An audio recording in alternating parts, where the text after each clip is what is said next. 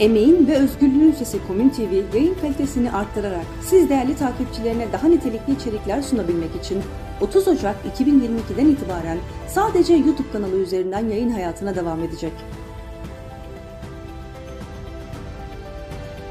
Güncel programları kaçırmamak ve gelişmelerden haberdar olmak için Komün TV YouTube kanalına abone olmayı ve bildirimleri açmayı unutmayın.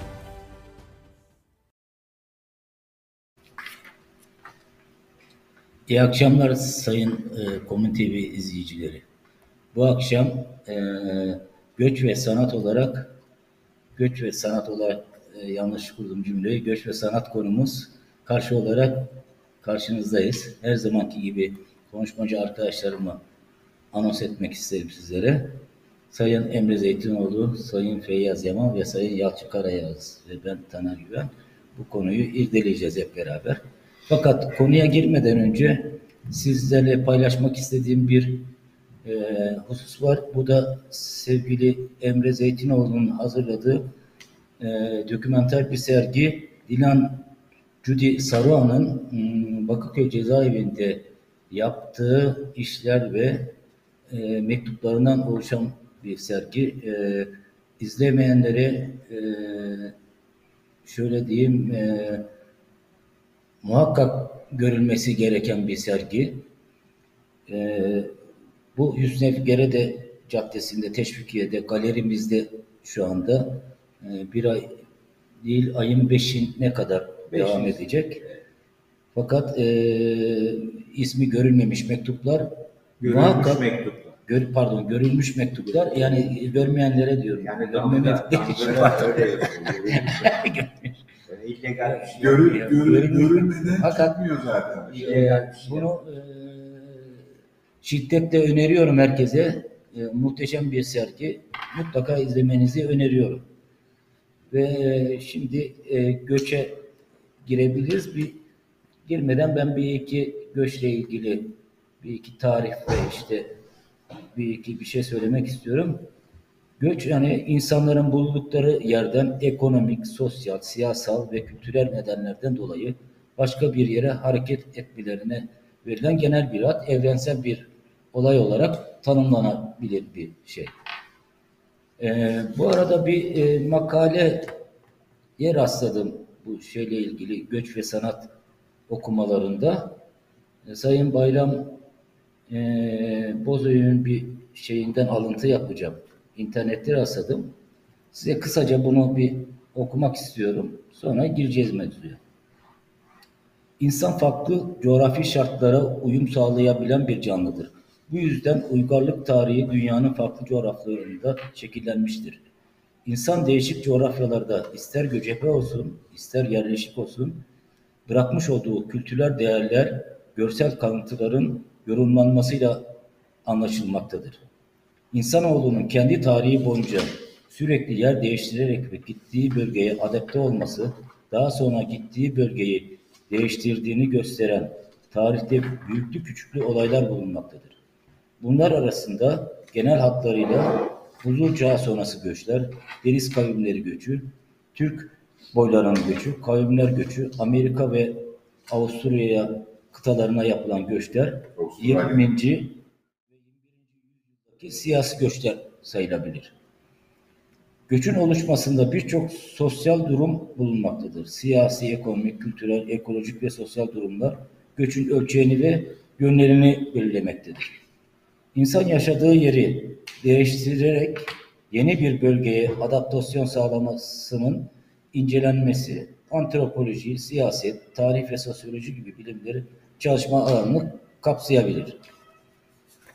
Ee, bu alanlardan biri de görsel sanatlarla ilgili alanına giren işaretlerdendir. Zira göç eden topluluklar gittikleri yerleri çeşitli görsel nesiller bırakmaları gibi göç edilen bölgenin yerleşik halkı tarafından da farklı görsel işaretler çizilmektedir. Şöyle ki insan gittiği bölgeye uyum sağlarken kendi görsel sembolleri ile birlikte gittikleri yerin sembollerini de kullanmışlardır. Dolayısıyla göçler görsel sanatlar tarihinde de incelenmelidir. Ee, Çünkü bir yerden başka bir yere giden topluluklar yanlarında kültürel nesneleri de götürmektedir.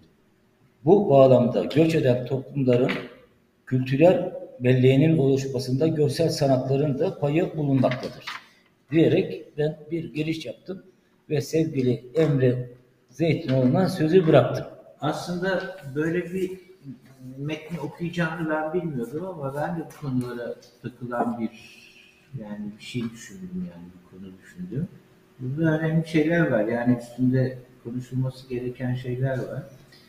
Ee, şöyle başlayayım. Yani mesele sanat, yani göç tamam bu başlı başına bir konu. Ama biz bu programda hep konuları sanatla yani harmanlıyoruz. siyasi ya da işte e, pratik bir takım durumları, e, problemleri ya da sanatla dediğin gibi harmanlıyorsak orada konular biraz çetrefil hale geliyor. Çünkü işin içine sanat girdiği zaman kolayca bazı yorumları ortaya koyamıyorsun bence. Şöyle mesela e, göç dediğimiz şeyi biz tarihte sürekli okuyoruz. Yani dünya tarihi göçlerden ibaret bir şey aslında. Hiç kimse e, sonsuza kadar durduğu yerde durmuyor. Biliyoruz bunu. Ve özellikle konu tarih olduğunda burada şöyle bir şey de çıkıyor ortaya. Tarihi okuruz. Oradan bir takım sonuçlar çıkartırız. Kahramanlık hikayeleri kendimize yazarız. Tatmin olacağımız pek çok nokta icat edebiliriz oradan. Yani ulusal kimlik açısından ya da ne bileyim e, ideolojiler açısından vesaire yaparız bunu. Ama biliriz ki bir taraftan da tarih şiddetli bir şeydir. Biz bir bakıma romantik izleyicileriz tarih konusunda. Hep oradan kendimize ait bir şeyler çıkartıyoruz ama şiddetli bir şey. Mesela Theodor Adorno, sen bunu okurken aklıma geldi. Bir yere de not etmiştim zaten ama şimdi zamanı geldi mesela. Diyor ki e, tarih bir felaketler fablıdır. Ve bu tarihin içinde elbette göçün çok önemli bir yeri var. Ve e, şu da var mesela. Bir göç, bir savaş, tarihin içinde ne kadar şiddet varsa ki göç savaş kadar aslında içinde şiddet taşıyan bir şey. En azından ikisinin bir arada yürüdüğü bir şey daha çok. Diyor ki e, bir savaşta her bir kişinin bedenine aldığı darbeler ve bu darbelerin acısı eğer tek tek hissedilmezse bir tarih yazılamaz diyor. Buna çok katılıyorum. Şimdi bunu tabii bizim e, bedenine alınan bedene alınan darbelerin tek tek hissetmemiz ya da bunu işte sanatçı olarak sanatçıların yansıtması, sanat yapıtlarında yansıtması ne kadar mümkün bilmiyoruz. Ama ye, yeniden Theodor Adorno'ya dönersek bunun bir tek çaresinin olduğunu söylüyor. Estetik değil. Yani ah bedenime bir darbe geldi savaş sırasında bedenim çok acıdı. Böyle dediğiniz zaman o ee, estetik dile dönüştürdüğünüz zaman Adorno'nun söylediği şeyler e, yola çıkarak anlatıyorum bunu. Öyle bir estetik dil olması lazım ki o acıyı hissedebilirsiniz. Şimdi buraya kadar doğru. Yani buna e, itiraz edecek bir şeyim yok. Yani koskoca Theodor Adorno tarihi buna bir e, hak teslim etmiş. Ben de şimdi burada Theodor Adorno'ya zartut edecek halim yok. Ama şöyle de bir şey çıkıyor o zaman ortaya. Estetik dil ya da sanatın dili dediğimiz zaman demek ki bu doğrudan bize bir e, pratik durumu aktarmıyor. Dolaylı olarak da aktarıyor ve algılarımıza ve duygularımıza göre biz bunu hissedebiliyoruz. Yani kendi kapasitemize göre hissediyoruz. O halde sanat bir şey saklıyor. Yani acıyı saklıyor. Acıyı saklıyor ama dolaylı yoldan gönderiyor bize. Ha şimdi bir de şu var. Adorno o kadar elbette ki herkes bunu bilir ki o kadar böyle boşuna bir şey ortaya atmıyor. Diyor ki estetik ki- kirletilmiştir bu arada. O kadar da masum bir şey değildir diyor yani. Niye? İşte hepimiz biliyoruz. Auschwitz'ten sonra şiir yazılamaz dediği durum. Çünkü estetiğin gizlediği bir şey var. Ya da estetiğin şiddete ya da faşizme yarayan bir tarafı var. Bunları nasıl ayıracağız birbirinden? Dışarıdan kirletilmiş bir şey estetik. Evet çünkü çok net de bir şey verir. Örnek Nazi kamplarında, toplama kamplarında gaz odalarında kurbanlar e, boğulurken çığlıklarını bastırmak için klasik müzik çalınıyordu. Daha önce de galiba konuşmuştuk burada. İşte tarih bir felaketler kavramı. Şimdi biz göçleri izliyoruz. Televizyondan izliyoruz. Hemen aklıma şimdi geldi. Televizyondan ne izliyoruz? Göçleri mi? Yoksa televizyondaki göç programlarını mı? Ya da haberlerini mi? Hala izliyoruz. İzlemediğimiz bir zaman dilimi bile yok. İşte öyle demişti. Siz savaşı falan izlemiyorsunuz. Siz haber programı izliyorsunuz. Canınız sıkıldığı zaman kapatıyorsunuz ve savaş bitiyor sizin için yani. Sonra işinize bakıyorsunuz. Yani bu haberlerin aslında doğrudan doğruya işte o hissetmeyle Adorno'nun söylediği gibi o hissetmeyle bir alakası yok. Enformasyon alıyoruz, kapatıyoruz, iş bitiyor. Bir şeyler okuyoruz, bir şeyler seyrediyoruz. Böylece bir takım veriler geliyor bize. Ama bu veriler haz mı? Görüntüye göre. Etkileyici bir durum mu? Bilgi mi? Ne kavrıyoruz biz oradan? Daha derinine inebilmemiz mümkün mü yani bize gönderilen sanat yapıtı bile olsa? Şimdi sanat yapıtı olduğu zaman galiba iş biraz daha çetrefil bir hale geliyor. Sanat gizliyor çünkü. Yani aynı etkiyi Adorno'nun söylediği gibi darbe, vücuduma bir darbe aldım savaşta. Çok acıdı diyemedim. Şiir yazdım. Onu tiyatroya dönüştürdüm. Onu resme dönüştürdüm. Başka bir şeye, müziğe dönüştürdüm. O darbe değil o. Ama aynı etkiyi veren başka bir şey. O zaman göç dediğimiz şey birdenbire bir sanat yapıtı olarak karşımıza çıkıyor ve bir şey hissediyoruz. O kadar. Biz o göçün gerçeğini hissetmiyoruz. Ya da göçe maruz kalan insanların gördüğü şiddeti, aldığı darbeleri, duyduğu acıları hissetmiyoruz. Ya bir araya gireyim mi burada? Evet. Çünkü bil, bilmekle anlamına varmak arasında çok e, ince bir çizgi var. Şimdi bunları iz, izleyerek bilebiliyoruz yani Biliyoruz. görüyoruz ama anlamına varman için orada bulunman lazım ki orada Asıl anlamına var. Evet. Yani Yani. onu algılaman, vücudunda hissetmen, bunu yani duyguya dönüştürmen için çok zor bir şey. Sanat bunu başarır, başaramaz başka bir şey. Ama sanatın gizlediği bir şey var. Yani. Garantisi yok bu işin.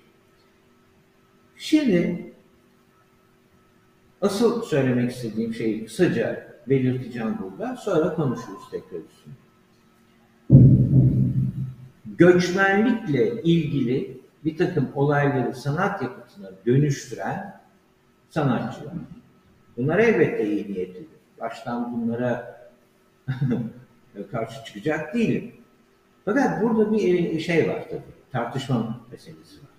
Acaba Baudrillard'ın da söylediği gibi bu sanat yapıtlarında e, göçün şiddeti gizleniyor ve biraz hazza mı dönüşmeye başlıyor ki böyle Yani eleştiriler çok estetide var. estetide ezil, edilmiş bir e, sanat. Böyle eleştiriler çok oluyor. E, kimisi de diyor ki, ki onlara da hak veriyorum, ya bu konunun gündemde tutulması lazım ve sanatçılar bundan etkileniyorlar ve kendi sanat yapıtlarına bunu taşıyorlar. Buna biraz daha yakın duruyor. Tamam.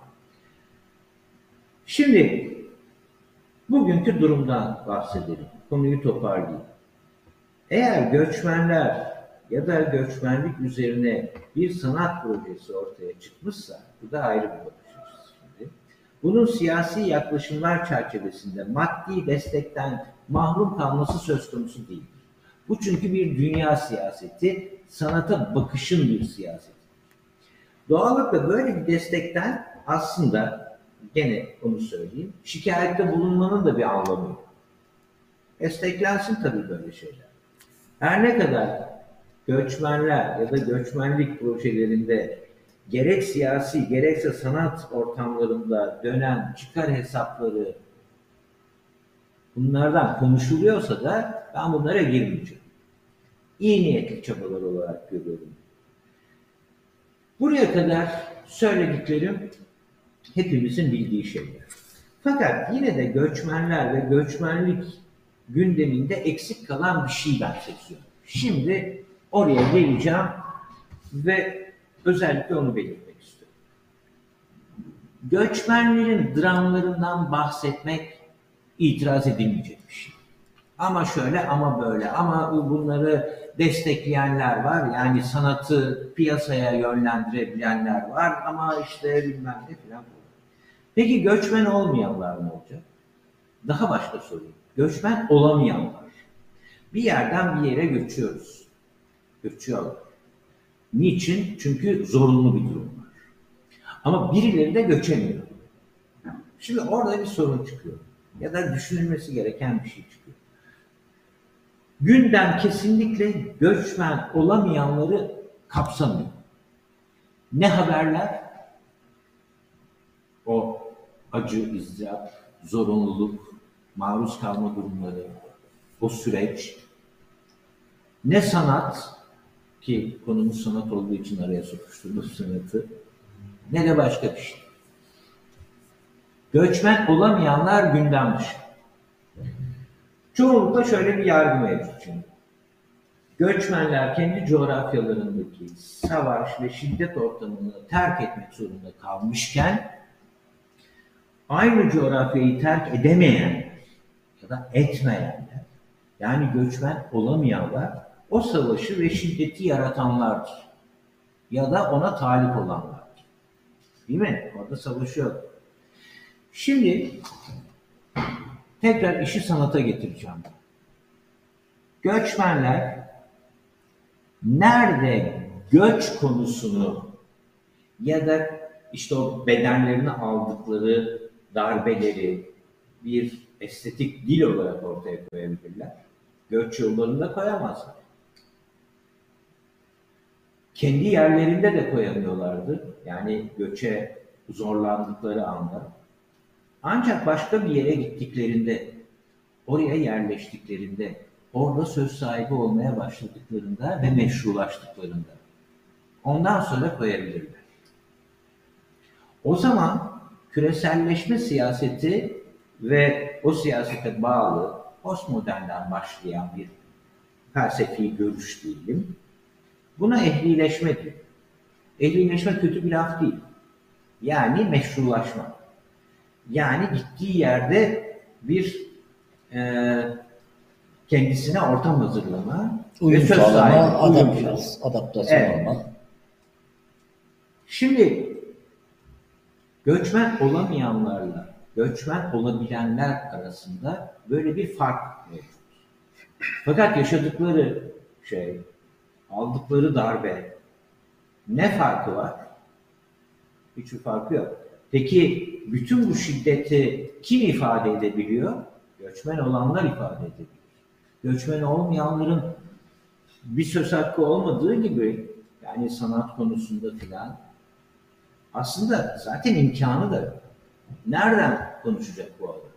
Savaşın ortasından mı? Kalmış orada. Şöyle toparlayayım sonra konuşuruz. Berlin duvarı aklıma geldi. Berlin duvarında yani Doğu Berlin, Batı Berlin var ya. Doğu Berlinlilerin tırnak içindeki ızdırabını kim resmediyordu duvarlara? Batıdakiler. Doğudakiler ne yapıyordu? Kendi durumlarını resmedebildiler mi?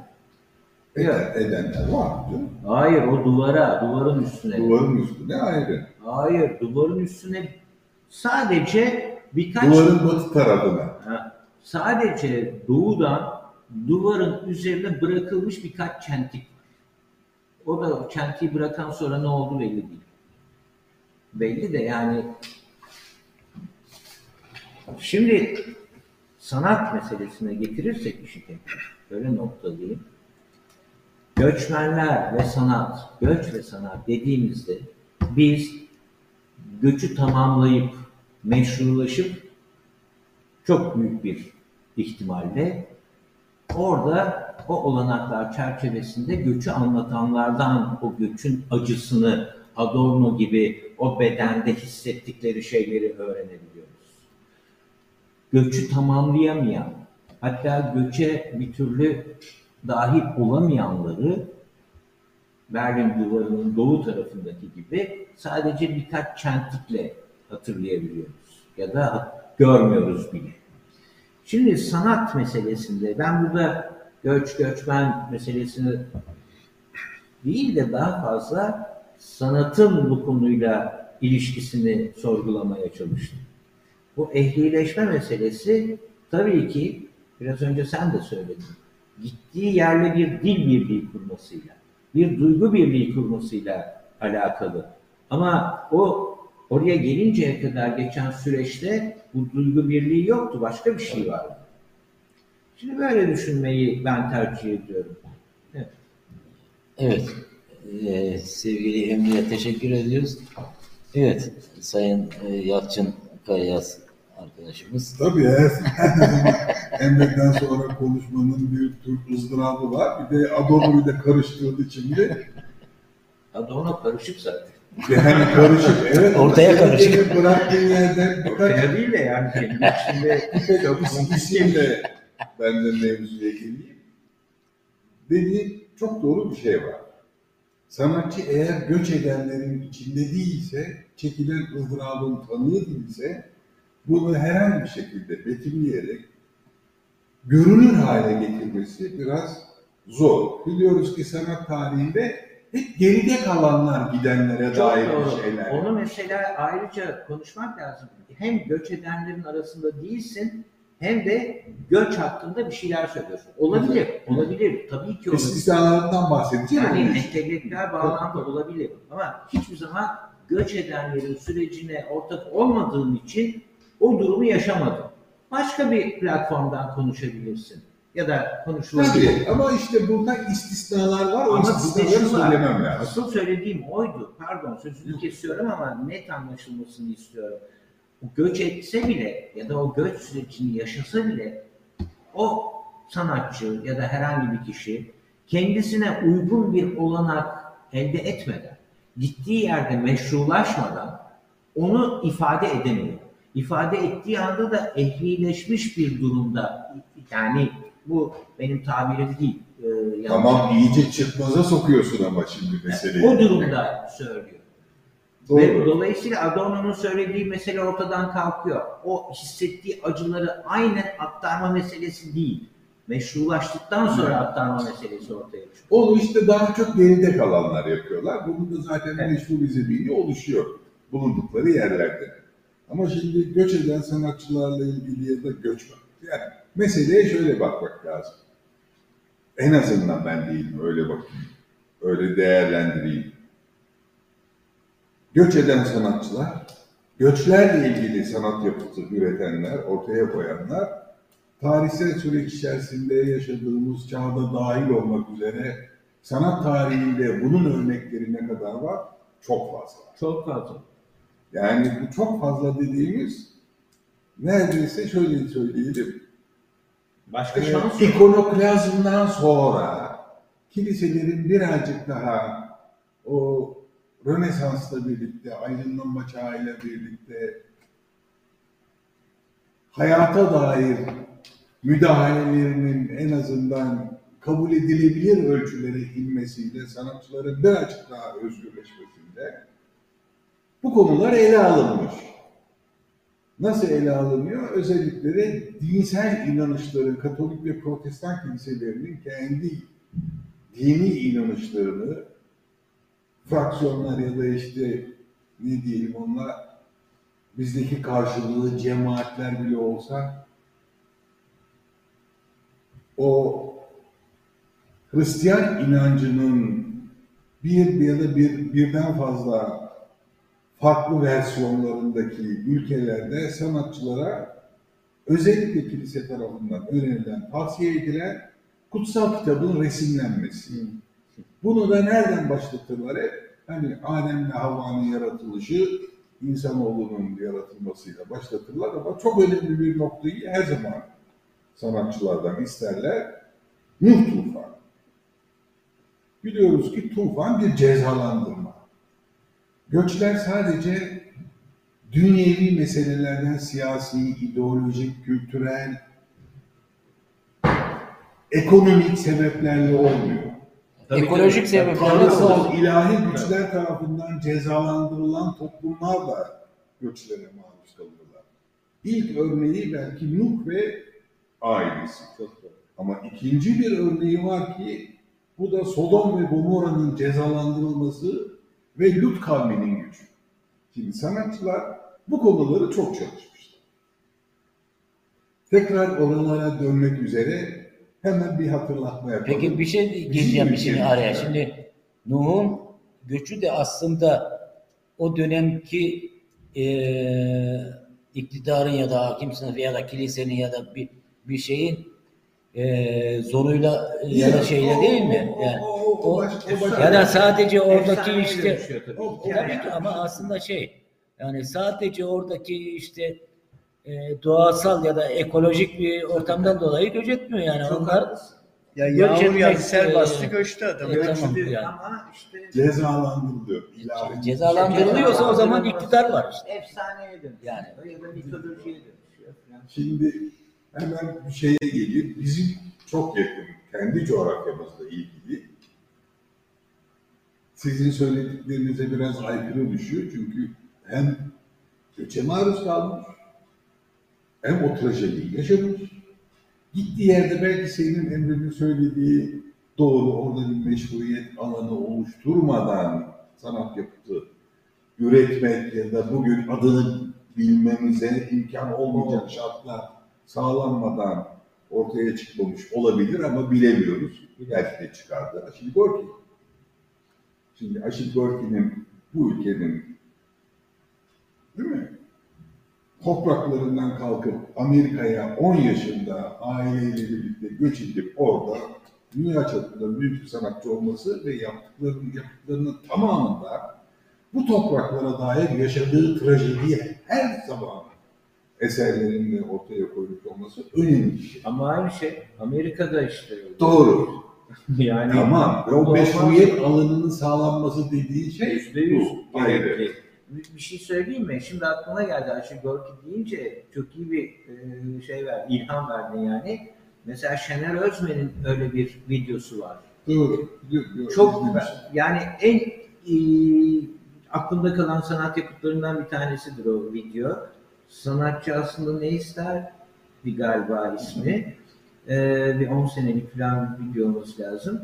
Diyarbakır hava üssünün yanında duruyor. Ee, o sırada işte e, şey savaş uçakları iniyor, kalkıyor sürekli. Muazzam bir gürültü var ve oradan şöyle bağırıyor. Ben bulunduğum yerden dünya sanatını etkileyebilecek ne söyleyebilirim? Ya da benim sesimi Kim duyacak? kim duyacak? Kim duyacak? Duyulmuyor tabii. Şimdi Ha, onun gibi bir şey. tamam. Tam yani. Ama e, işte de duyuranlar. Mesela Charles Aznavour, yani Fransız şansölünün, Fransız müziğinin en önemli Fransa'da ustaları. Ya anladım doğru burada olmaları mümkün olmadığı için orada olmuşlar. İyi de oradan duyurmuşlar. O gübrede Ama duyursaydı. göç ve sanat da böyle bir şey. Bir yere gidiyorsun orada oluyor. Buradayken zaten göç eden bir sanat ya da sanatçı olmaz. Başka bir şey Evet. söylemedim ben de zaten. Yani biz göç hakkında ya da herhangi Tabii. bir olay hakkında biz bir sanat yapıtıyla karşılaşıyorsak o konfor alanından bize gelmiş ya da meşruluk alanından bize gelmiş bir şeydir çoğunlukla. Görünür olduktan sonra zaten bir meşruiyet zemini elde etmişsin demektir. Tam tersi. Meşruiyet zemini olmadan görünür olamıyorsun.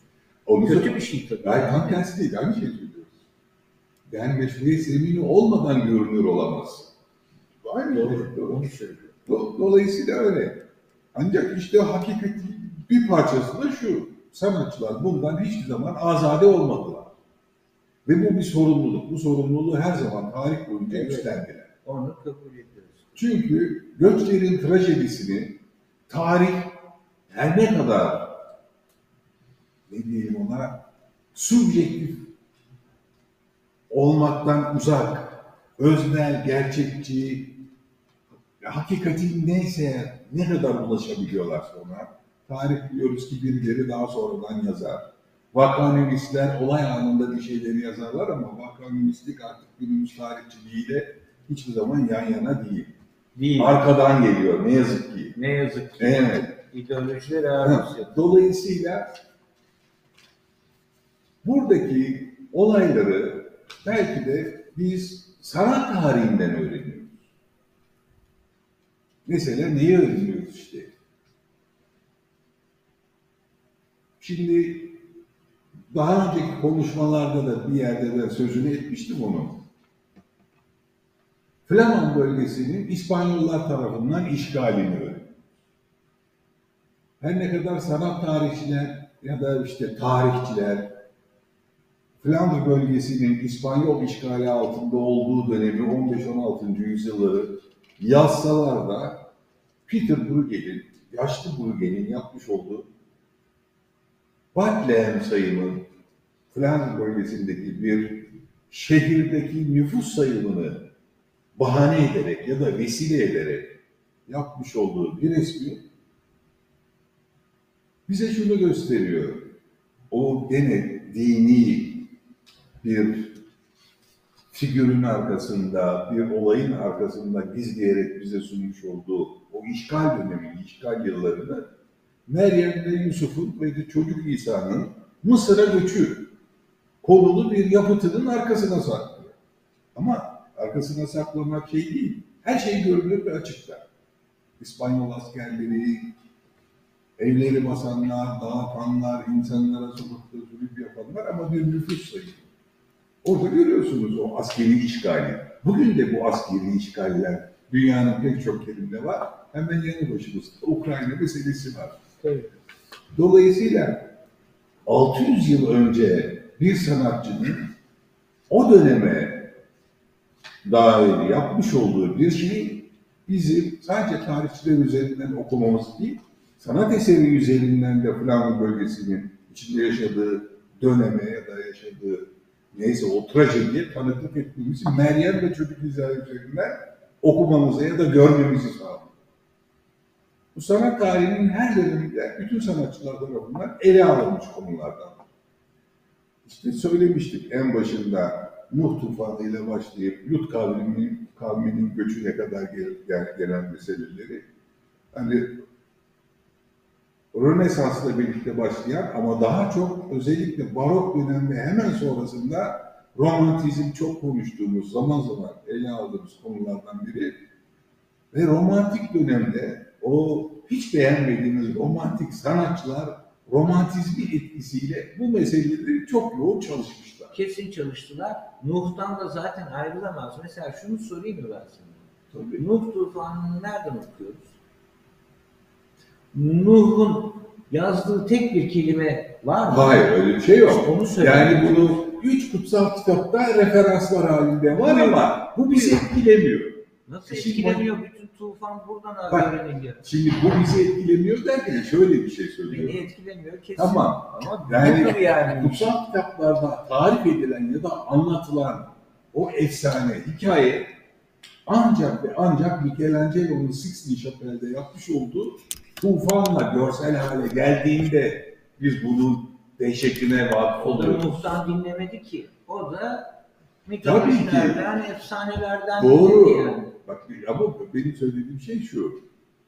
Görünür hale geldiğinde bir sanatçı aracılığıyla görünür hale Doğru. geldiğinde Ama işte o trajedinin ortağı oluyoruz. o görünür hal gerçeğiyle ne kadar ilişkili? O görünür- Yani Adorno'nun söylediğiyle ne kadar ilişkili? Ben üzerimde o e, darbelerin acısını ne kadar efsanelerden ya da mitolojilerden alabiliyorum? Böyle bir dünya kurulu, böyle bir tarih kurulu ya da böyle bir sanat kurulu, estetik e, kuramlar İşte orada yumuşatmaya, or- oradaki gizlemeye bu- yönelik şeyden bak şimdi o, o tartışmaya açılabilir. Hem gizlemeye hem gizlemeye hem üstünü örtmeye yarayabilir. Hem görünür ve açığa çıkarmasına vesile olur. Hayır bu mesele arkadaşlar bir şey diyeceğim. Faiz mi fiyatları yükseltiyor, fiyatlar mı faizi yükseltiyor? Bu tartışmaya döndü. Ay yumurta tavuk hesabına dönmüyorsun. Hayır niye döndü? Şimdi esas sorun acı- acının anlatılması. Faiz Acı anlatılabilir mi? Birinci soru bu. Anlatılamaz işte onu söylüyorum. Dolayı Peki deneyimlenmiş olan mı acıyı anlatabilir? Evet. O da yeterli değil. Yetmez. Neden? Anlatmaya çalışır. Çünkü hayır anlatabilme kapasitesi var mı, virtüözitesi var mı? Bir. İkincisi üzerine gelen acıyı nasıl algılıyor? Hangi bilinçle algılıyor? Nereden algılıyor? Senin kolunu kopartayım da hangi bilinci ondan sonra sor. Ama şöyle var tamam ben kolum kolumu koparttım, elime aldım Goya'nın adamı gibi çıktım sokağa, kesik kolla gidiyorum ama şimdi ben bununla Napolyon'u mu anlatacağım? Benim kolumun acısını mı anlatacağım? Senin kolun acısını anlat. He. Ama Benim sen çok kolumun iyi bir örnek üzerinden gidiyorsun. Goya Tabii işte üzerinden. ona gidiyorum. Evet. Yani şimdi doğrudan doğrudan göçü yaşayan adam Goya Ha? ve çıldırdı. Göç dediği sürgün. Sürgün, aydınlanmaya tapan adam aydınlanmanın kurbanı oldu. Sürgün. Ve. Ve gözünün önünde yaşandı her şey ve Goya ne yaptı? En sonunda çıldırdı. Sağırlaştı. Kulaklarını kaybetti. Oturdu e, evine kapandı. Kimseye göstermek için değil. Sadece kendi için karanlık dönem işlerini yaptı. Bir tanesi de göç resmidir orada. Evet. İnsanlar yürüyorlar işte. Ve nereden, niçin yürüdükleri belli bile değil ama ortada bir tragedya var. Trajedi var. Şimdi başka doğrudan bir örnek daha vereyim sana. O da ne? Koymuş. Kategorisi. Tabii İki çocuğu öldü. Bir ana olarak tam işte onları yaptı. Bir üçüncü örnek sana Auschwitz'ten gelen işler var. Üçüncü ben ağlayacağım şimdi. Bir Var. Adam çizmiş, Bak, doğal var. Saklamış. Belki kanınla bilmem neyin ne yapmış. İşte şimdi hapishanede iş yapanlar gibi. Yahut benim e, Diyarbakır 5 yolda Şimdi gördüklerim doğru. gibi. He. Çünkü onu o ortaya koymuyor. Onu Ama- buluyorlar. Ama bak oradaki Ondan bahsediyorum. acının birincisi doğrudan anlatılamaz. Çünkü kesik bir ko- ben bunu hukukta karşılığı olur o zaman. Eğer acının karşılığı aynen dile getirebilirse hukukta da karşılığı olur. Bunu ancak şer'i hüküm yapar. Ne der? Göze göz. Benim gözümü oyarsan onun karşılığı ancak benim de senin gözünü oymamdır. Çünkü ben onu hissettim, o zaman senin de hissetmen lazım. Ama eğer bunu biz yaşanabilirlik içerisinde kabul edeceğimiz çünkü evet acı çektik, öldük, öldürüldük falan ama sonrasında hayat devam ediyor. Senin dediğinde orada işte devreye giriyor. Dışına çıktığımız anda bunu muhakemesini yapıyoruz. Hayır, bir dakika. Tamam, sana hak veriyorum. Çok doğru bir şey söyledin. Zaten biraz önce Adorno'dan bahsederken bunu da tamamlamam gerekiyordu. Mesela Adorno diyor ki, Ama ben de tamam. üstüne peki, üstünüze bir darbe aldınız bedeninize ve bir yara açıldı. Oradan kan aktı. Sonra o kan pıhtılaştı. Sonra kurudu ve düştü kabuk ve orada bir yara izi oldu. Sizin üzerinize aldığınız, hissettiğiniz darbenin kendisi o yara izidir. Ama o kendisi değildir artık. Evet. Şimdi böyle bir uzantısı da var. Tabii. Böyle şeylerden bahsetmiyorum. Yani aslında senin söylediğin bu, doğrusu bu. Yani bellekte yeniden gelişen, yeniden biçimlenen bir acıdan ya da onun sunumundan, yeniden ve yeniden sunumundan bahsedebiliriz. Benim söylemek istediğim ikinci elden hatta üçüncü elden aktarılan e, acılar, bellekte oluşmamış ya da gelişmemiş acılardan bahsediyorum. İşte orada da problem bellek hangi bellek bunu nasıl kavradı? Deneyimlemek çok önemli. Hani Mao'nun lafı işte daha önce de söylemiştim. Muzu yemek, muzu bilmek için muzu bir kere yemek lazım der.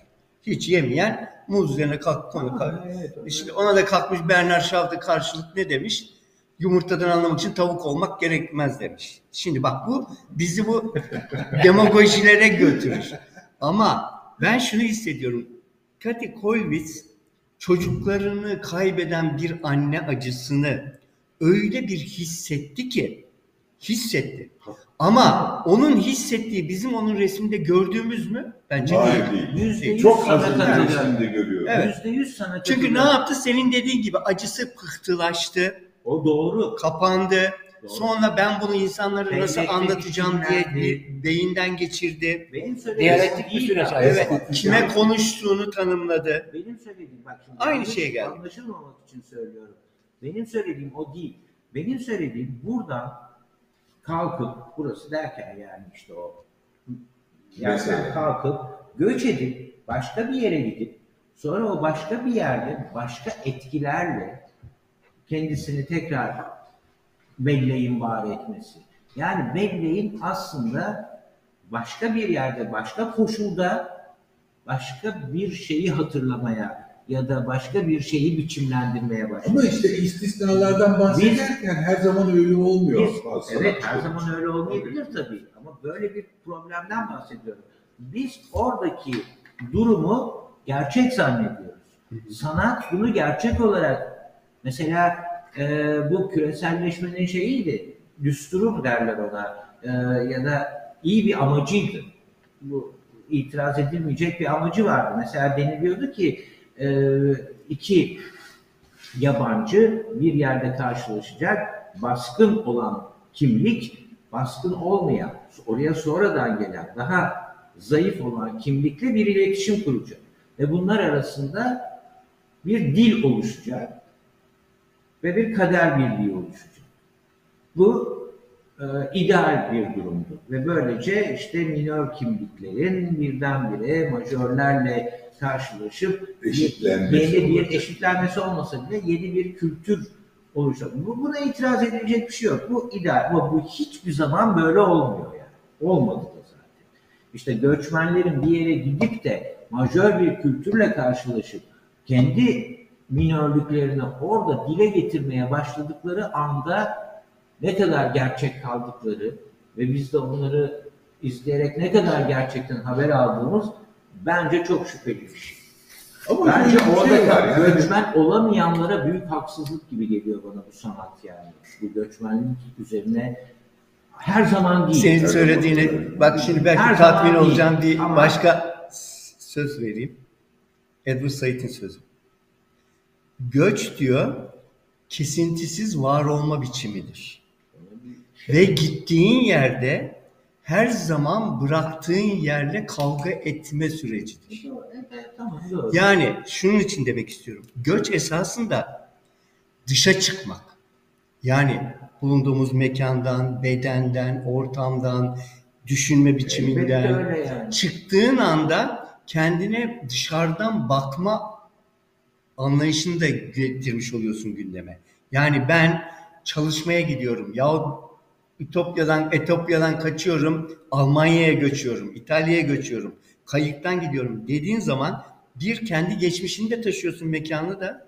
İki gittiğin yerde de bu sefer öyle bir dünyayla karşılaşıyorsun ki kendi gerçekliğini mukayese edeceğin bir şey oluyor. Bu da işte karşılaşmalara başlıyor. Yani yüzleşmeler, temaslar, melezleşmeler, dönüşümler, sınırların ne olduğu, İşte tam küresel Ötekini anlama, ötekinin kim olduğu. olduğu. yani kendinin ne olduğu. O zaman da işte acını gittiğin yerde anlatmaya başladığın zaman o zaman sen aklın yabancılaşmanın evriminden geçerek zaman ve mekan ötesinden bakabilme gücüne erişiyorsun. Yani ama bize bunu bir yandan da modernite böyle kabul ettirdi. Ha şöyle ya. Öyle dedi. Neden dedi? Oedipus gibi işte. Çık sen zaman içinde bir yolcusun. Evet. birey olmak istiyorsan, kendi benliğini bulmak istiyorsan ister acını, ister arzunu, ister hazzını bu yolculuğa tek başına gideceksin. Bunu deneyimleyeceksin. Acısını, hazzını, her şeyini duyacaksın ve kendine ve mekana, zamana geriye bakacaksın. O zaman anlayacaksın ki sen zamanda yolculuk yaptın. Ama orada bir şey bir Ve geldiğin yer döndüğün yer değil artık. Evin Ama- değil. Ama döndüğün yer Sen başka bir artık var. fiziksel olarak yine kendi yeri. Kendi yeri ama bulduğu yer Yok değil. ki Homeros kendi yerine döndüğünde başka biri olarak ve başka bir yere gelmiş olarak gelecek. Çok Tamam, doğru. burada yabancılaşma var. O zaman da buna diyorlar ki bak modernitenin evi yoktur. Tamam Haymattos oluyor. Döndüğün zaman Ama- evini bulamazsın. ama benim söylediğim o değil ki. Yersiz benim söylediğim kendi yerine dönmüyorsun. Evet. Başka bir yere gidiyorsun, kendi yerini taşıyorsun. Ama taşımıyorsun işte. İşte döndüğün kendi yer dediğinde zaten o yer değil işte. Artık Ama o bir dakika her şurada şekilde. girebilir miyim? Şimdi, Çünkü Orada senin bir- dediğinde şöyle bir şey var. şimdi başka bir Taşıyorsun memlekete dediğin- gidiyorsun. Orada Taşıyorsun dediğin bir değişmezlik içeriyor. Halbuki modern de hep yıkma üzerine kurulu. Hiçbir şey eskisi gibi olamayacak. Tabii bir dakika. Hiçbir şey. Ben burada ama Her şey buharlaşacak. dönsen de e, burada bir örnek Olmayacak verebilir işte, miyim? onu Bak diyorum. bu şeyle ilgili. söylüyorum. Ha, diyelim buradan gittin. Diyelim ki Avrupa'da bir yere, Amerika'da ya da Afrika'ya gittin. Ee, kaldın orada diyelim ki 10 yıl, 15 yıl. Şimdi orada kalman için oraya, oranın dilini öğreneceksin, adaptasyon olacaksın, Yerelliğini, yer- öğreneceksin. her şeyini ve oraya uyum sağlayacaksın. Bu süre içinde aslında bu gittiğin yer ve buradaki kaldığın aile yani ailen ve arkadaşlarına o kadar sürede yabancılaşıyorsun. Aslında o gittiğin yerde de yabancısın ama buraya döndükten sonra da o saatten sonra buraya yabancı oluyorsun. Evet, aynen öyle. Aslında her yere yabancı kalıyorsun. Evet. Doğru. Peki. Bunlara zaten itiraz etmiyorum. Biraz önce söyledim. Benim itiraz ettiğim şey şu. Bana göçmen bir yere gittikten sonra sanat yapıtıyla bir şey anlatmaya çalışıyor. Göçmenin kendisi. Göçmen sanatçı olarak aslında. O göçmen bana kendi yerini anlatıyor ve göç sürecini, yolunu anlatıyor. Ama o göç süreci ve kendi yeri bana anlattığı şey değil artık. Ama bu sanat adına ortaya çıkmıyor. Bu siyaset adına ortaya çıkıyor. Tehlike, tehlikeli taraf bu. Ve bu projeler daha konuya başlarken söyledim. Bunlar desteklenen projelerdir. Bunlar bir küreselleşme siyasetinin payandaları olarak Evet. desteklenen projelerdir. Ve ben göçü bu sanatçılardan öğreniyorum. Ve ben o niçin göç ettiğini de bu sanatçılardan öğreniyorum. Yine daha başında dedim ki göç edemeyenlerden ne öğreneceğim? Hiçbir şey. Oralar kara deliktir. Oralara girmek imkansızdır. Mağdurun konuşamadığı yer. İşte onun için doğu tarafında duvarın dedim Berlin'de hiçbir iz yoktur. Oradan bir şey öğrenemeyiz. İşte tam da orada onun Feyyaz söyledi. Collins'ten öğreniyoruz. Willis'ten öğreniyoruz. Ama onu öğrenmiyoruz. Yani öğrenmiyoruz. Anlatamıyorum. bize yansıtmaya esasında bir mesise geliyoruz. Yani Ya, şöyle bir şey. bak, Kolbiz acısını yansıtmaya çalışıyor bize. Ama zaten o acıyla o yansıttığın arasında bir tekabüliyet olmadığı için biz de bir yanılsamanın yanılsamasını izliyoruz. Ya anladım. Suret'in Ama ortak anlaştığımız şey- Gerçekçi ki biz Collins'i biliyoruz. Evet. Onun çocuklarını biliyoruz. Onun eşiyle kocasıyla olan meselesi, onunla nasıl katlet. Hepsini biliyoruz. Tamam. Doğu Almanya'da yaşadığı bütün trajediyi de biliyoruz. Bunun sanat yapıtlarını görerek okumuyoruz. Onunla birlikte Kolbis'e dair olan her şeyi o sanat yapıtları ortada olmasaydı ve biz tanığı olmasaydık bu eserleri Kolbis'i de tanımayacak, onun yaşadığı trajedinin ortağı olmayacaktı. Eserler üzerinden biz ona Kolbis'e ulaştık. Dolayısıyla hikayeyi de oradan okuyoruz. Ama işte orada birebir bir yansıtma, Bir- bize acıyı anlatma şeyi yok. mesela. Teofil Stanley. Sen biliyorsun yani Neşet Bey atölye geleneği, figüratif resim dili ve de oradaki akademideki bu figür resmi içerisinde Teofil Stanley hala orada bir örnek olarak ele alınır ama bütün resimleri göç. Ha bu göç hangi sebep bu? Onun resimlerindeki göç ekonomik göç. Köylü göç. Topraksız, yersiz, yurtsuz köylülerin göçleri. Yıllarla insanlar yürür. Belirsiz bir mekandan hareket ederler, yine belirsiz bir noktaya doğru giderler. Meçhule. Ama biliyoruz gösterilen resimlerini. Ama Emre'nin Ama bak e, ağrının şiddetini, ağrının şiddetini ağrıyı çeken bilir. Sen benim yanımda benim mesela ne kadar ağrının e, şiddetini bilemezsin. Bilirsin Arkadaş, Taner'in bir ağrısı var ama Şimdi onun şiddetini ben bilirim. bak şimdi şu, şu Yani. konu ne? Göç ve sanat. tamam bak. Bu göç meselesiyle sanat meselesi Tabii. ya da sanattaki karşılığı göç mevhumunun sanat yapıtlarındaki tezahürüne birazcık onu konuşmak üzere. Tabii. Tamam ama bak Emre'nin işaret ettiği yerde şöyle Doğru bir bir şey çok söylüyor. önemli bir şey var. Tabii. Esas iş bizim birileri hissetsin diye gösterdiğimiz şeye bakan gözün de kurgusu var artık. Ama şimdi Emre'nin Yani- söylediği çok önemli bir şey var. Bu hipokrisi, iki yüzlülük, Evet. o adını böyle koymadan ben söyleyeyim, günümüzde böyle.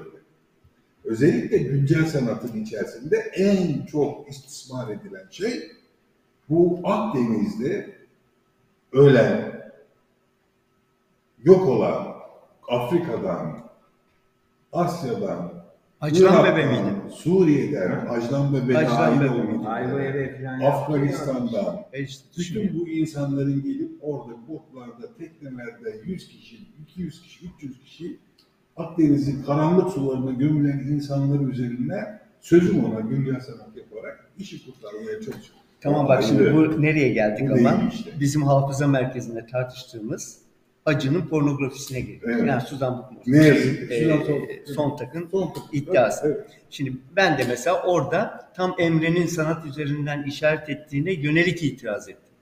Diyorum ki benim kardeşim öldürüldü. evet. Şimdi birisi kalkıyor diyelim ki işte burada mesela sergi yapıyor. işte ölenler üzerine, kaybedilenler üzerine bir mermer üzerine onun portresini çalışıyor, koyuyor işte bütün kayıtları. Yahut işte e, bizim kuşağın anmalarını düşün. Ölenlerin portrelerini koyuyorlar. Şimdi hani bakıyorsan kayıpların temsiliyeti gibi, sanki acının temsiliyeti gibi. Ama işte bu onun anlatımı olmuyor. Orada tam da acıyı en nasıl yakın hissettiririm dediğin yerde hep konuşulur ya resimde. Ölmüş, öldürülmüş, parçalanmış bedenler, kanlar, e, yani Jericho'nun işte kesik kafaları gibi hani idam taşının üzerindeki e, şey üzerindeki kafalar gibi. Yahut hani tersten konuşuyorum. Bunu böyle göstermekle de işte anlatamıyorsun. Niye? Çünkü bakan gözle mesela şimdi gidiyoruz Lourdes'a bakıyoruz buna. Yani Lourdes'a buna biz ne diye bakarım? Boyayı nasıl sürmüş, kompozisyonu nasıl yapmış, bunu nasıl Ya, anlatmış, hangi rengi nasıl sürmüş. Ya böyle sür bakıyorum. O, o zaman da ne oluyor? Demek ki bu karşılıklı bir kurgunun içerisinde sadece o hani destek kategorisi üreten için çalışmıyor. Seyreden için de çalışıyor. O da. Şimdi biz de bugün tam işte buraya gel başlamadan önce e, şeyde bizim kanalda Common TV'de e, Yusuf e, Demir'in Turgay Ulu'yla beraber programı var. Göçün Anatomisi. Ha, Şimdi Evet, vardı, evet, izledim. Şimdi orada arkadaşlarımızın tartıştığı şey bir kere makro politikadan, ekonomi politikten bakıyorlar. Diyorlar ki, yorumluyorlar. O kadar göç var. Bunun arkasındaki bu insanları bu trajediye iten durum ne? Putin'in saldırganlığı, emperyalist, emperyalizmin, kapitalizmin savaşlardan beslenmesi, savaş tüccarlarının para kazanmaları, daha önceden bunun kurgulanması, uluslararası siyaset, devletler arası rekabet, piyasa ilişkileri ve anlatılıyor gerçekten çok güzel. Ve ama şimdi sonuçta seyrettiğimiz bir sahne var. Bakıyorum Polonya kapısında Lviv'de insanlar sıraya girmişler. Ee, şimdi iki tane görüntü karşılaştırıyorum belleğimde. Bir tanesi Ezidilerin Suriye'den dağdan aşağı inen kadınların paldır küldür tek tük işte yırtık pırtık elbiseler, nasturiler bilmem. Öbür tarafta işitçinin kelle kesme, işte kafes altında ateş yakması. Şimdi bütün bunlar o deneyime ilişkin görsellikler. E şimdi bakıyorum sanki Ukraynalılar e, sanki Uludağ'dan inmişler kayak kıyafetleri, üzerlerinde kalın montları, modernler, kentliler, e, yanlarında hayvanları, kafesler içerisinde evcil hayvanları, çocukları gidiyorlar. Tabii ki bir mağduriyet ve acı görüyorum. Ağlıyorlar, soğukta yürüyorlar, zor yürüyorlar. Şimdi bir kere ikisi arasında bir çelişki var. Ama o zaman şunu diyorum. İki farklı toplumun iki farklı acısını görüyoruz. Biz bunu Vietnam Savaşı'nda da gördük. Evet. Afganistan'da da gördük. Latin Amerika'da e, her ülkesinde de gördük. Şimdi ama şöyle bir şey var. Bana bunu gösteren iki tane şeyi bir kere Emre'nin dediği gibi postmodern dünyada biz artık bir gösteri toplumunun ekranlaşmış, dijitalleşmiş ve bizim de evimizde sıcak ortamlarda Her seyirlik yerdesin. hale geldiği bir Evet. Yani bir gösteri toplumu var. Seyirlik her şey. Her şey sahnede oynanıyor. Yani sahnede oynanıyor. Ama Hamlet de sahnede oynanıyordu. Ama bir şeyi bize akıl üzerinden düşünmeye çekerek götürüyor. O zaman biz de şimdi şey düşünüyoruz. Evet bana Ukraynalılar böyle gösteriliyor ama bunun arkasında şu var. Bana göstermiyor esasında.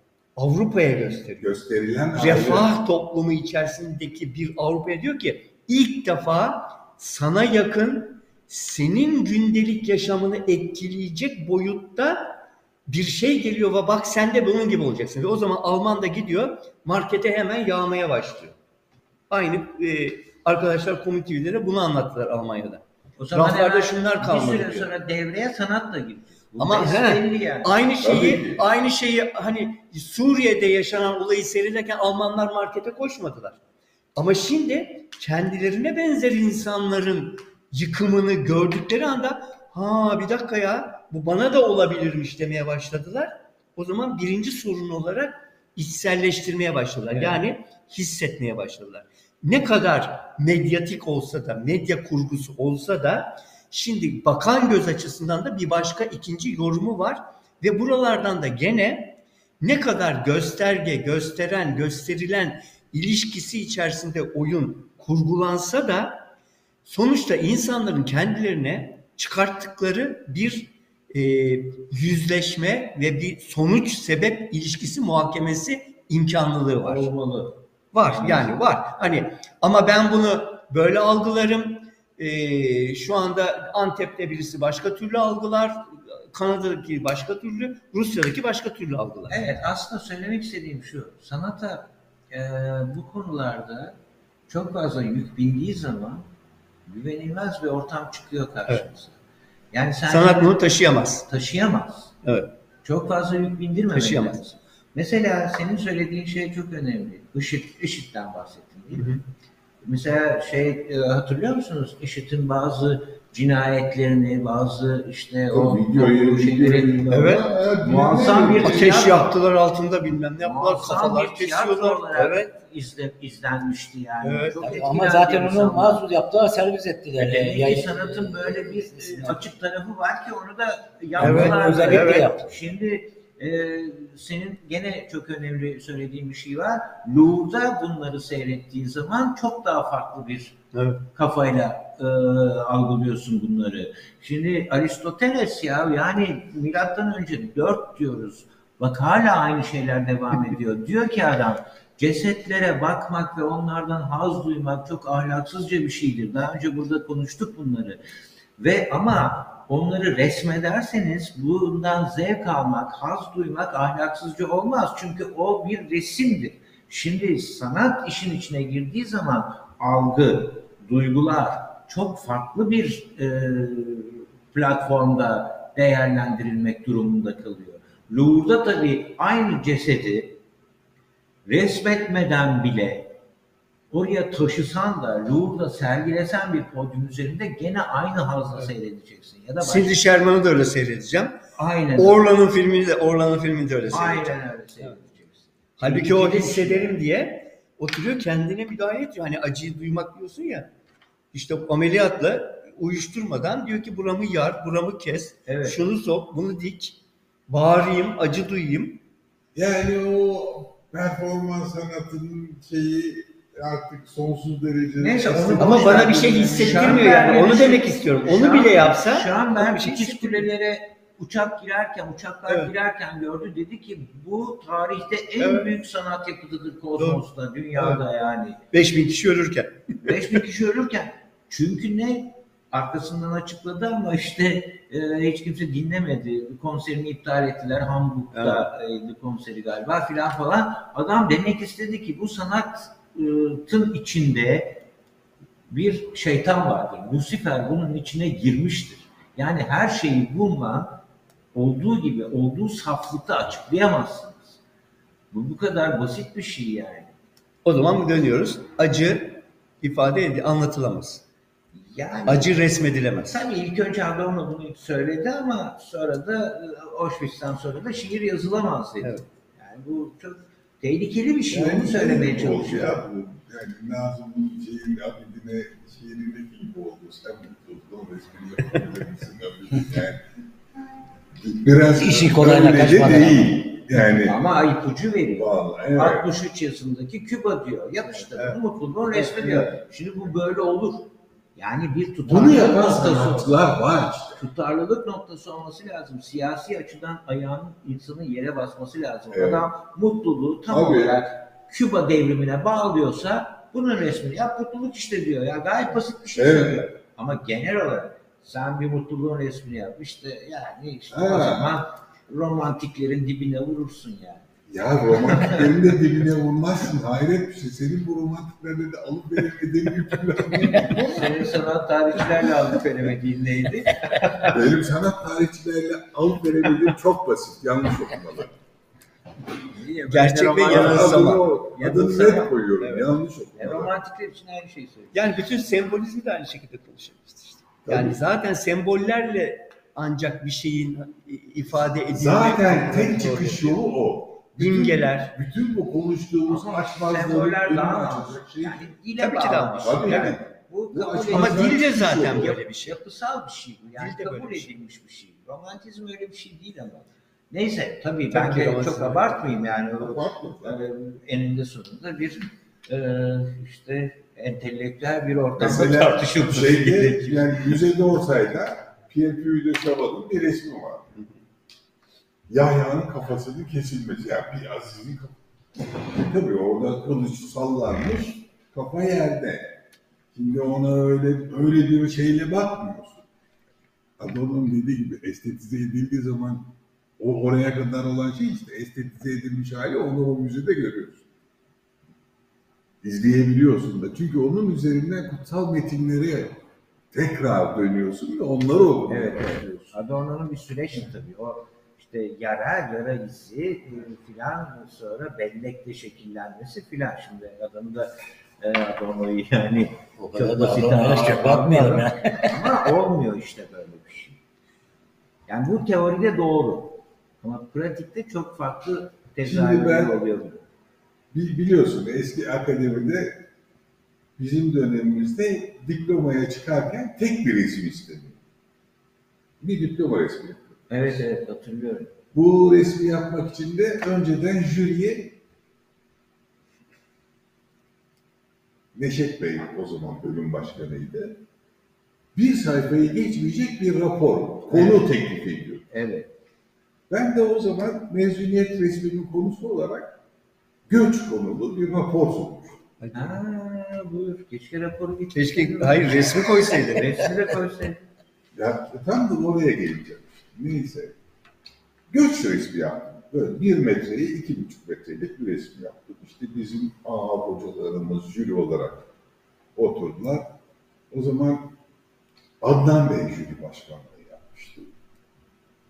Böyle konuştuk, konuştuk, konuştuk. Adnan Bey bir süre sonra sinirlendi bana herhalde. Şey dedi, sen de amma hikaye anlattın. Sadete gel, sadete gel. Resimde ne demek. Biraz azarlayıcı bir şekilde girdi. Ben de döndüm. Hocam galiba hiçbir şey anlamadınız dedim yani. Bu kadar konuştuk ama maalesef anlatamamışım kendimi dedim. Ben en iyisi size bir şiir okudum. Enver Gökçe'den bir şiir okudum. Gidiyorlar atlarında eğerleri ceplerinde gümüş köstekleri yoktu. Gidiyorlar başa çık yalnaya umuttan gayrı ekmekleri yoktu. Dedim. Hocam anlatabildim mi dedim. Bitti. Benim Aynen. mezuniyetim. Göker Hoca'nın pek etkilendiğini sanmam. Yok. Anlamamıştım. Çünkü Hayır, Estağfurullah. Anlamamıştır demek istemiyorum. Enver Tarzı bilmezdi. Tarzı değil.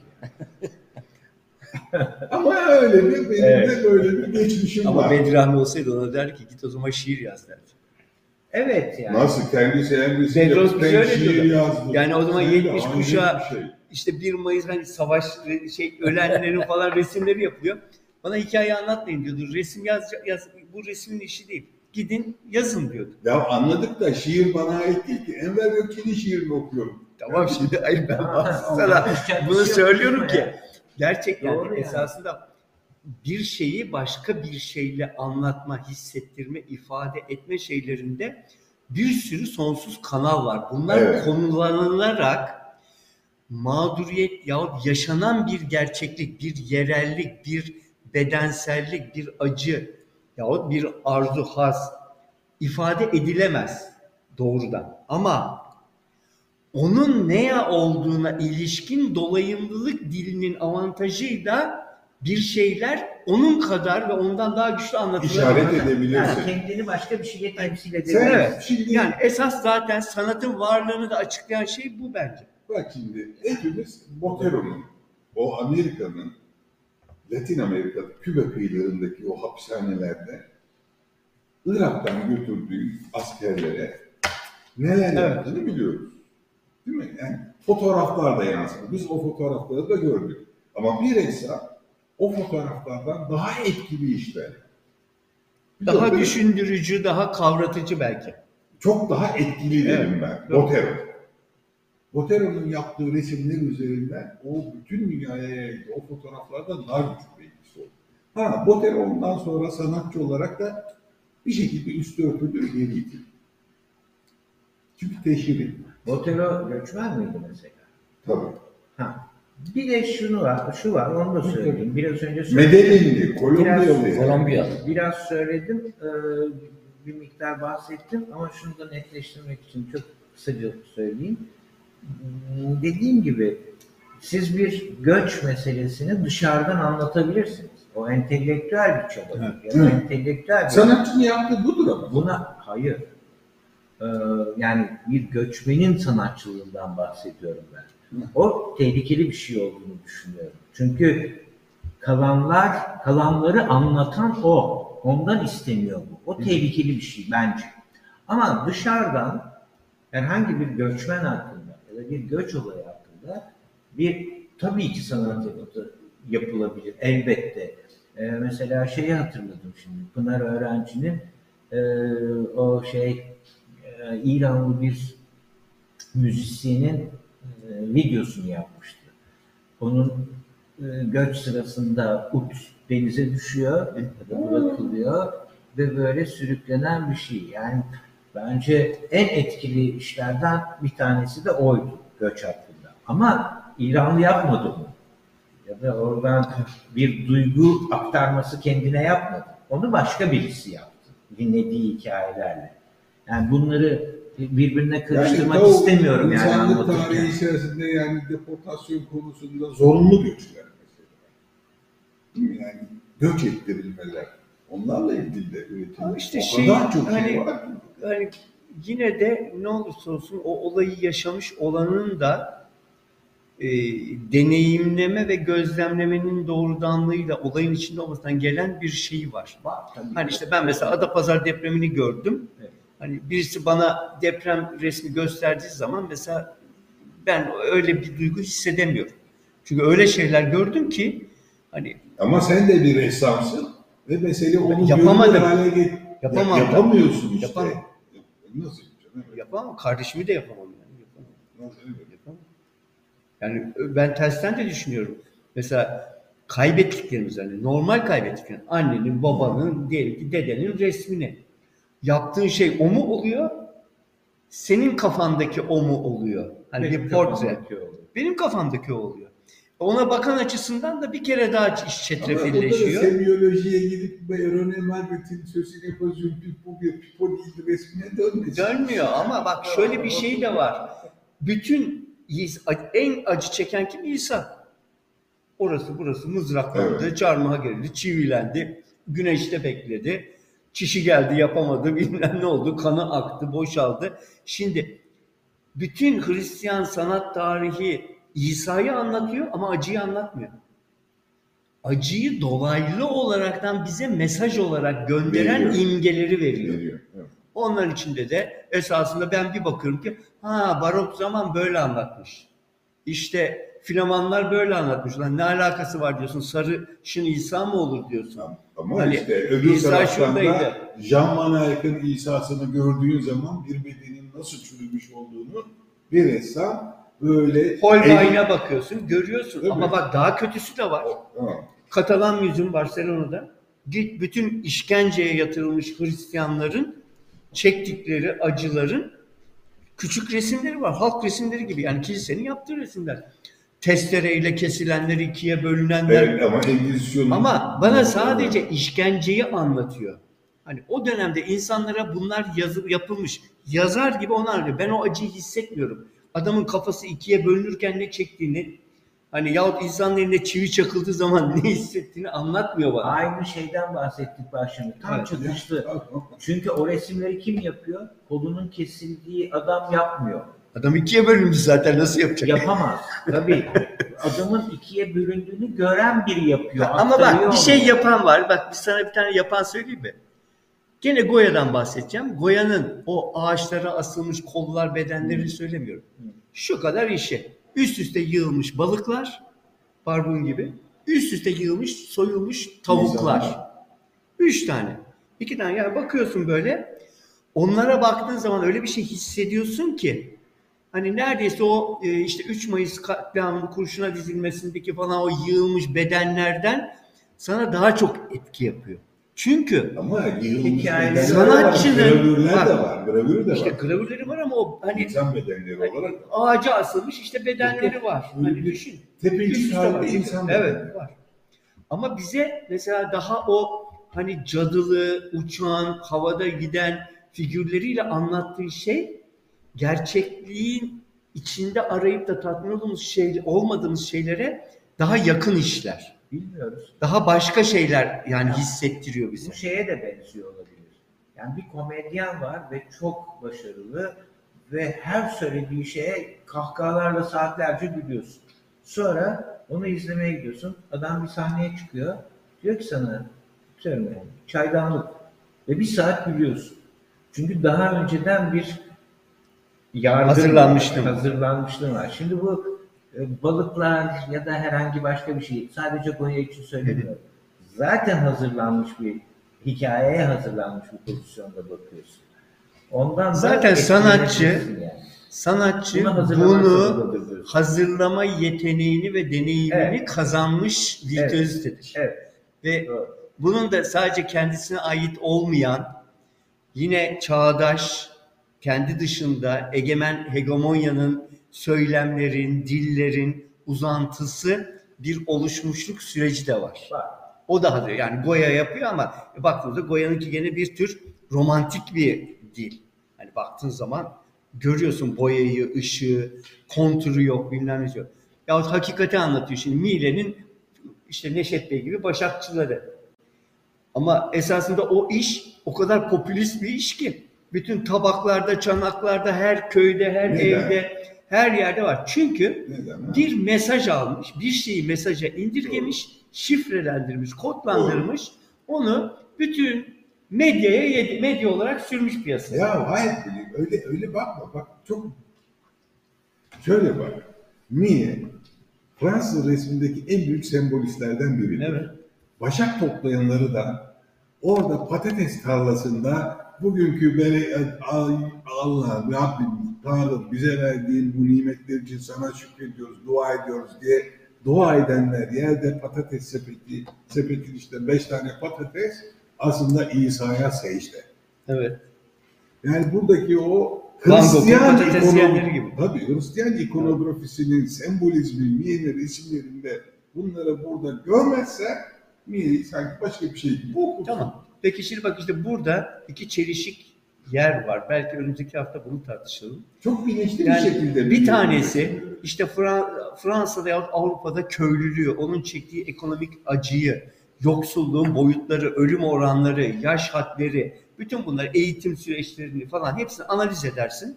Bilgiyi de yanına alırsın. Bunu açıklarsın. Bu bir e, konuyu açma biçimidir. Ama bir de işte tam bu şekilde dilin kendisi üzerinden yani araç, malzeme, medyum üzerinden kurgu, iletişim teknikleri, görme ve gösterme biçimleri üzerinden okuduğumuz zaman da başka bir gerçeklik boyutuna gitmiş oluyoruz. Yani bir dönemde bir sanatçı bir kilise cemaatini nasıl ikna edebilmek için hangi teknik ve yöntemlerin genel geçer olduğunu hissetmiş, keşfetmiş, ustalaşmış ve geri dönüp onu lanse etmiş, piyasaya kabul ettirmiş. Şimdi bunların hiçbirini küçümseyici bir dil olarak söylemek istemiyorum yani. Ama bunların her biri biri makro, biri mikro. Biri dil üzerinden, biri ekonomi politik üzerinden okuma teknikleri. Biz bu şeylerin içine itiriyoruz. Onun için de şimdi hani Ukrayna'daki olayı biz nereden seyrediyoruz? Irak'taki hani ilk defa medyadan savaş seyredildi dediler ya. İşte aa, havai fişek gibi izledik hakikaten yani. Tabii naklen Canlı yayın yayın. Ama yani e, sonra işte görüyorsun Kaddafi'nin e, öldürülürkenki halini, Saddam'ın öldürülürkenki halini. şey O hiç öyle değil. değil mi? Evet. Hiç öyle değil yani. E şimdi işte o zaman da yani Çavuşesku'ların infazını Fransa'da yani naklen izledik ya. Biz de bu Fransız televizyonu yani bu kadar aşağılık bir şey olabilir bütün dünya ya? televizyonları verdi yani. Demek ki sorun hani sadece bir acıyı anlatmak değil, acıyı aynı zamanda kavratmak ve düşündürerek sana da bir şekilde duyum satmak. Zaten Bütünlüğü konumuz içinden acı değil. Göç. Hayır, acı göç, konuşuyor. göçün de acısını konuşuyoruz yani. şu. Goya. Goya çok önemli bir figür olduğu için ve de sen de bu bahsi açtığın için ben oraya gelememiştim çünkü. Fırsat yazık. Evet, e, Yalçın aslında sözünü kestin sen. Yarım kalmıştı. Olsun. Yalçın sen oradan devam et. 3 Mayıs kursu yok O yok. kalsın konuşsun bir saat. Hayır ya 3 Mayıs kursuna diziler. Goya o resmi yapmasaydı ve biz bugün o resmi görmeyen, bilmeyen insan olarak 3 Mayıs'taki o trajediyi nereden okuyacak, nereden öğrenecek? Peki orada bak benim an- sormak istediğim bir soru Yani var. Orada kursuna dizilenlerin ya da orada yaşayan insanların maruz kaldıkları bütün o kötülüğü ve de şeye Peki sana bir ikinci soru. Basit dışında. enformasyon Mane'nin- söylüyorsan haklısın. Hayır, Manet'in Maximilian'ı kurşuna dizilişi. Tamam, doğru. Aynı kompozisyon. Evet. Peki orada acıyı mı hissediyoruz Maximilian'ın kurşuna dizilişi? Ya da o duyguyu mu hissediyoruz? Adamın duyguyu. Ha, burada sanatçıların üstlendiği görev ve de onların üslutsal davranış şekilleri ve de işte şöyle bir şey var. Romantizmin ne kadar dışa vurumcu, tepkisel Ha. olduğu ya da Manet'in ne kadar klasisist bir geleneğin temsilcisi olarak statik, durağan bir Moderniteye geçişi. oldu. Moderniteye geçişi. Peki Kim üstünü örtmüş, kim açığa çıkmış. tamam. Çok güzel. Benim orada o zaman baktığım şey de şu oluyor. 3 Mayıs kurşuna dizilenlerde insanların kurşuna dizilmesinin acısını düşünmek değil, bana yani oradaki kurgu, bak adamı böyle koyarlar duvarın karşısına, ondan sonra böyle ateş ederler, adamın da buradan kurşun girer, arkadan çıkar, ciğerini parçalar meselesi değil. Öyle Çünkü. Goya zaten bir surat yapıyor, iki tane fırça vuruyor, surat oluyor yani, hani baktığın zaman. Ama demek ki bize ışık, renk, kurgu, hareket, ifade hepsini bir araya getirmede öyle bir başka dil kullanıyor ki Evet. o gerçeğin orada fotoğrafını bize göstermiş Fotoğraflar olsalar Fotoğraf. sanatın rolü budur diyorum işte. Manet'in Maximilian'ın kurşuna dizilişi bir fotoğraf karesinin betimlenmiş hali. Evet çünkü Bana orada. Manet ne söylemek istiyor? Fransa medyasında o sırada Maximilian'ın çaresiz şekilde Meksika Savaşı'nın ortasında Satılmış satılıp biçilip bırakılmış olması ulusal ulusal hakaret. Evet.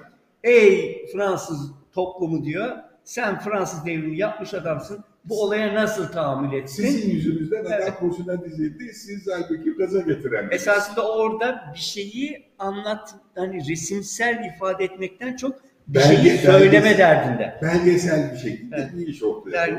Biliyorsun o resmi de 5'e 10'a parçaladılar. Ancak dört parçasını buldular. Bazı Tıpkı Dreyfus kanunu, Dreyfus şeyi Evet. gibi, davası gibi. Davası. Ya şu geldi aklıma. Ee, şimdi tabii sanat yapıtları bize enformasyon da veriyor aslında. Yani neyin ne olduğunu bildiğimiz e, olaylardan belki bir, bir takım duyguları yönlendirebiliyoruz. Yani şu olay biliniyor ki sen dedin ya sanatçı onu hazırlar E, ve o zaman duygusu başka olur ya da öbürünün başka olur. E, ölüm mesela işte acılardan çıktık bilmem ne, göçler, göçler. Ölüm. Ve sinemada seyrederiz biz bunu. Ondan sonra resimde görürüz. İşte romanda belki okuruz. Vesaire vesaire. Şiirde okuruz. Bunların hepsi birer edebiyattır ya da görselliktir. Bir şeyler anlatır. Kieslowski'nin öldürme üzerine kısa bir film hatırlıyor musunuz? Evet. Yes. Bence eğer ölüm, acı, yok bilmem ne bir şeyden bahsediyorsa onu aklımıza getirmemiz iyi olur. Çünkü öyle romanlardaki gibi, filmlerdeki gibi, resimlerdeki gibi ölmüyor insan yani. Ölemiyor bir türlü. Ama bir Ve o ölüm bizim e, sanatta ya da işte herhangi bir yerde e, konuşurken filan algıladığımız gibi bir ölüm değil. Yani ona bir göz atın bir de. Ama Bence- öyle doğrudan anlatan da var. Mesela Var. Helen Klimov'un Gel ve Görü. Bravo. Ben onları seviyorum. güzel. Yani Tam da dolaylı olarak ya da ruhlara hitap eden gene cart curt ama değil ama o olduğu Şimdi- gibi belgesel niteliği fazla olan şeyler sanat yapıtları kişisel tercih Evet, bu evet, işte kim şimdi Feyyaz da Feyyaz Allah affetsin ben onları Tamam.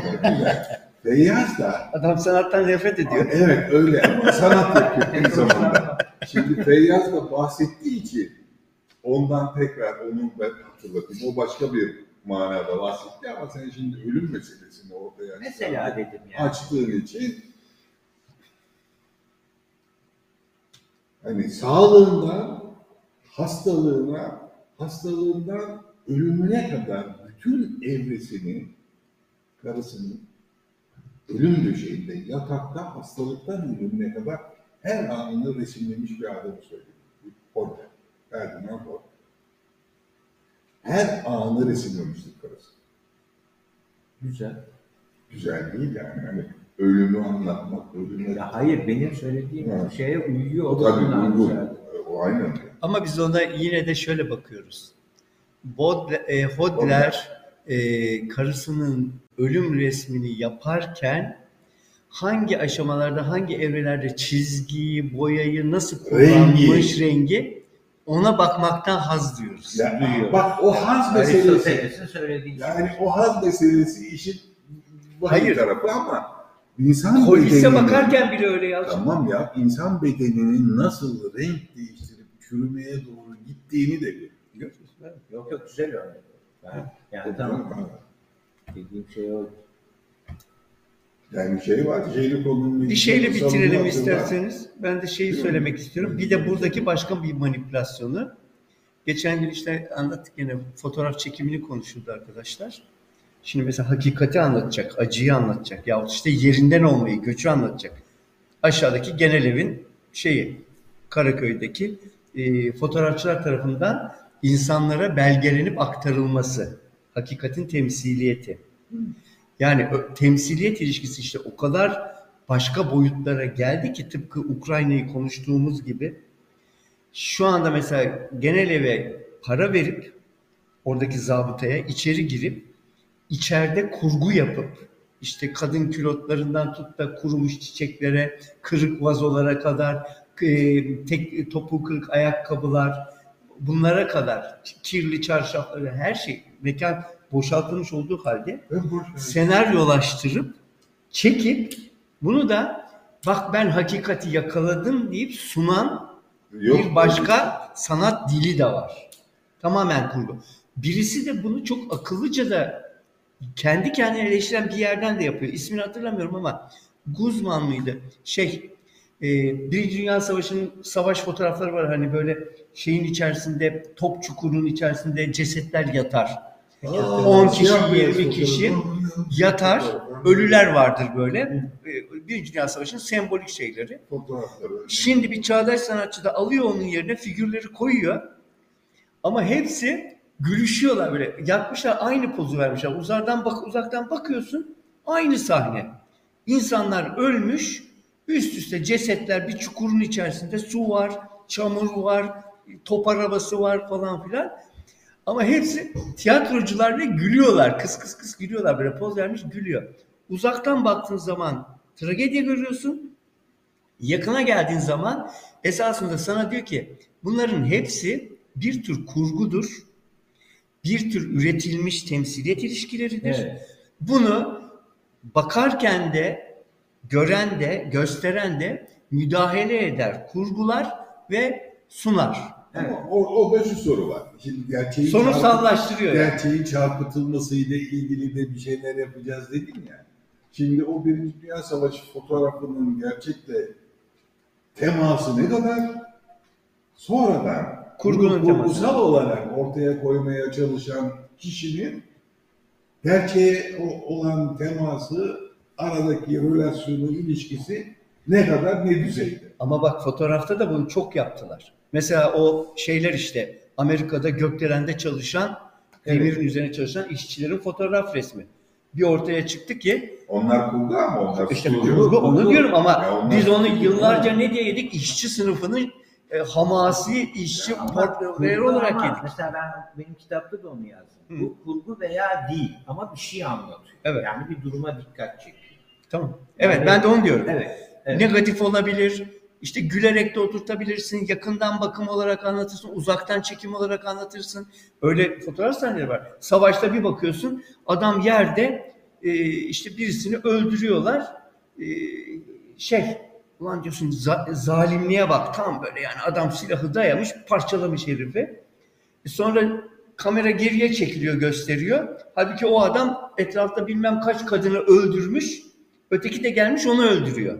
Şimdi birdenbire o kareye yüklediğin anlam bambaşka bir anlam oluyor. Ve Demek bir de- ki bir de tam anında çekilmiş gerçekten. Evet, gerçek. ikisi birbirine Evet, karışıyor. aynen. Demek ki orada bakma ve görme diyalektiğinin hani Berger'ın bizi anlattığı şey John Berger'ın hani Tabii çok e, inanılmaz bir başka durumu Görme var. biçimleri. Yani o zaman bizim hani Sanata çok güvenmiyoruz. güvenmeden Ama zaten o, o senin daha önceki kareleri görmesen e, öbür türlü başka bir gerçeklik senin karşında. Evet. Gerçeklik zaten görece bir şey. Değişir yani. Ya hangi gerçeklikten bahsediyorsun? evet. Evet. Yani e, yans yani edilen Onun için sanat gerçeklik. tehlikeli sularda Çok yüzmektir. tehlikelidir. Dikkat edin. Şey, bir şiir var mı? Şiir var bir Hadi tane. bakalım. Dadaloğlu'ndan var. Vallahi ne Oo. yani sen de afşar ellerine gidiyorsun. Göçle Tabii ilgili. göç. Kalktı göçeyledi afşar elleri. Ağır ağır giden eller bizimdir. Arabatlar yakın, eyler ırağı. Yüce dağlar aşan yollar bizimdir. Hmm. Belimizde kılıcımız kirvani, Kirmani, taşdeler mızrağımız, emreni, temreni, hakkımızda evet, devlet vermiş fermanı, fermanı, ferman padişahın dağlar bizimdir. dağlar bizimdir. Dadal oğlum, yarın kavga kurulur. Öter tüfek dağılmazlar vurulur. Nice koç yiğitler yere serilir. ölen ölür, kalan sağlar bizimdir. Şimdi ben bu gazla giderim. Hayırlısı. Peki bunu bitirirken ben de hemen bir kontra karşılaştırma yapayım. Busan Express'ini seyrettin mi? Son Express. Kore'de geçiyor. Öyle, Zombilerle öyle. ilgili. Ha, öyle Milyonlarca zombi bütün dünyayı işgal ediyor. İşgal ediyor. Hani şimdi elinde kılıcı kirmani gidenlerin hepsi böyle bir zombi kültürü içerisinde öyle bir kalabalıklaştı, öyle bir göç haline geçti ki insanlık. Gerçekten bence son perdede hani bu Kore filminden önce Tom Cruise'un oynadığı öyle bir zombi O da var. vardı. evet. Yani hani bu mesela Ama bu gerçeklik hangi gerçeklik? Şimdi Tom Cruise'un oynadığının şöyle ideolojik bir yanı vardı biliyorsun. Bizim Kudüs'e siyasette de bu Kudüs'e aralar yok mu sığınıyorlar. zombi falan ya? Ha? Çok var. Bir gelenler falan var. Neyse ben karıştırmayayım. Hatırlar Kudüs'e sığınıyorlar. Evet. Bu Busan Express'in en son bütün şeyi işgal ediyorlar işte. Kudüs'ün duvarlarını aşıyorlar, içeriye giriyorlar, şeye İsrail işgal ediyorlar. Hiçbir korunaklı mekan yok. Hayır, ben sadece şeyi söylemek istiyorum.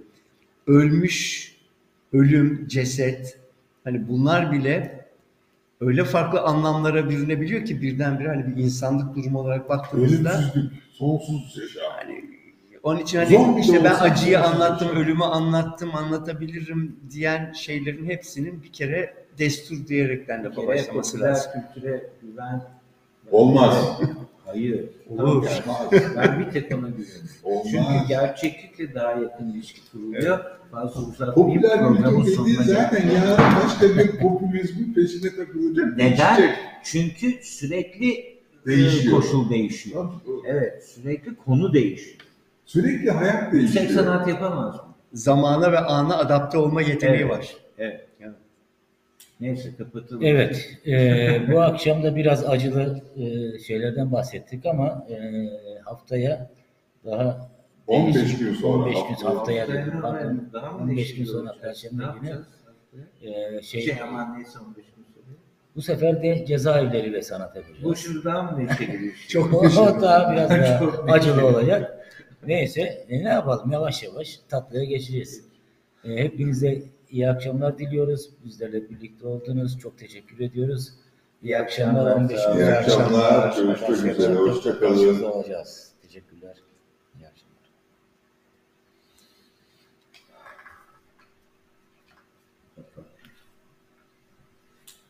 Neşeli ha. Ceza